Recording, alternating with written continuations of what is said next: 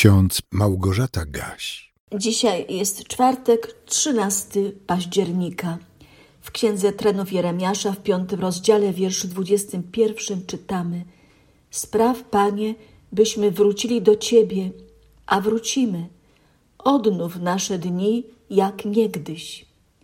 A w liście do Tytusa w trzecim rozdziale, wierszu czwartym i piątym apostoł Paweł napisał: Gdy się objawiła dobroć i miłość do ludzi, Zbawiciela naszego Boga, zbawił nas nie dla uczynków sprawiedliwości, które spełniliśmy, lecz dla miłosierdzia swego przez kąpiel odrodzenia oraz odnowienie przez Ducha Świętego.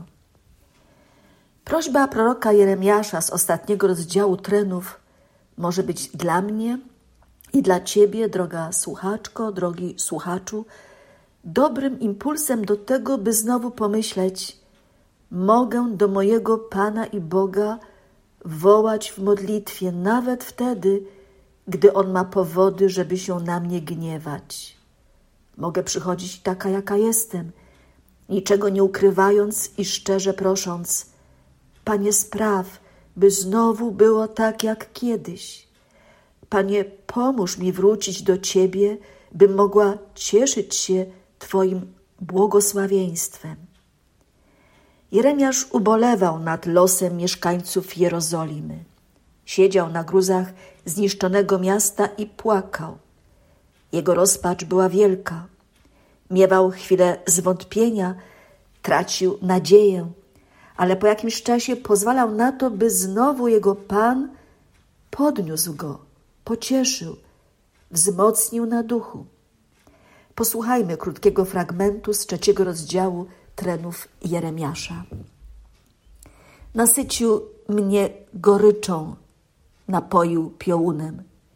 Starł na krzemieniu moje zęby, wdeptał mnie w popiół. Mojej duszy odebrał spokój, tak że zapomniałem, co to jest szczęście i myślałem, przepadła moja siła żywotna i moja nadzieja w Panu. Wspominanie własnej niedoli i udręki to piołun i trucizna. Moja dusza bezustannie to wspomina i trapi się we mnie. To biorę sobie do serca i w tym moja nadzieja.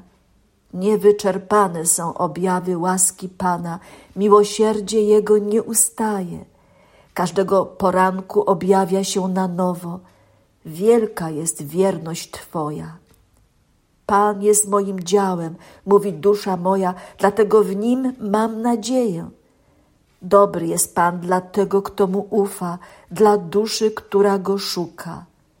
Dobrze jest czekać w milczeniu na zbawienie Pana. Każdy z nas przeżywa w swoim życiu różne okresy i nie ze wszystkiego możemy być dumni, zadowoleni. Chyba każdy z nas doświadczył oddalenia od Boga z powodu jakiegoś grzechu, którego konsekwencją było także zaniedbanie modlitwy. Bo trudno jest modlić się do Boga, gdy nie chcemy sami przed sobą przyznać się do grzechu, nazwać go, wyznać, a potem przyrzec poprawy.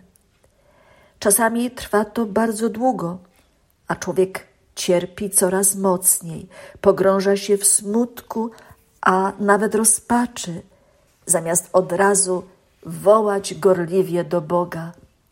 Spraw, Panie, bym mogła wrócić do Ciebie, bym mógł wrócić, a wrócę. Odnów moje dni jak niegdyś. Jeremiasz tęsknił za dobrym czasem, gdy Izraelici starali się posłusznie wypełniać Bożą wolę.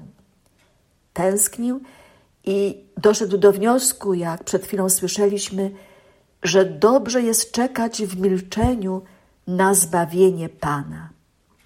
My doskonale wiemy, że zbawienie całej ludzkości i pojedynczego człowieka jest dziełem Boga.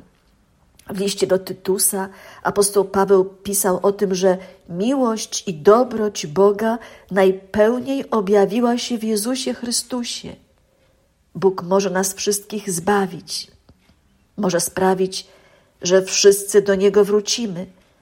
ponieważ Jego Syn, a nasz Zbawiciel, poświęcił swoje życie, przelał, przelał swoją krew, umierając na krzyżu, by nas uratować na zawsze. Dzięki Jezusowi możemy doświadczyć kąpieli odrodzenia oraz odnowienia przez Ducha Świętego. To nie jest absolutnie naszą zasługą, lecz dowodem wielkiego Bożego miłosierdzia w stosunku do nas, grzesznych ludzi, oddalających się z powodu grzechu, ale pragnących powrotu do tego, który nas kocha miłością doskonałą i pragnie naszego zbawienia.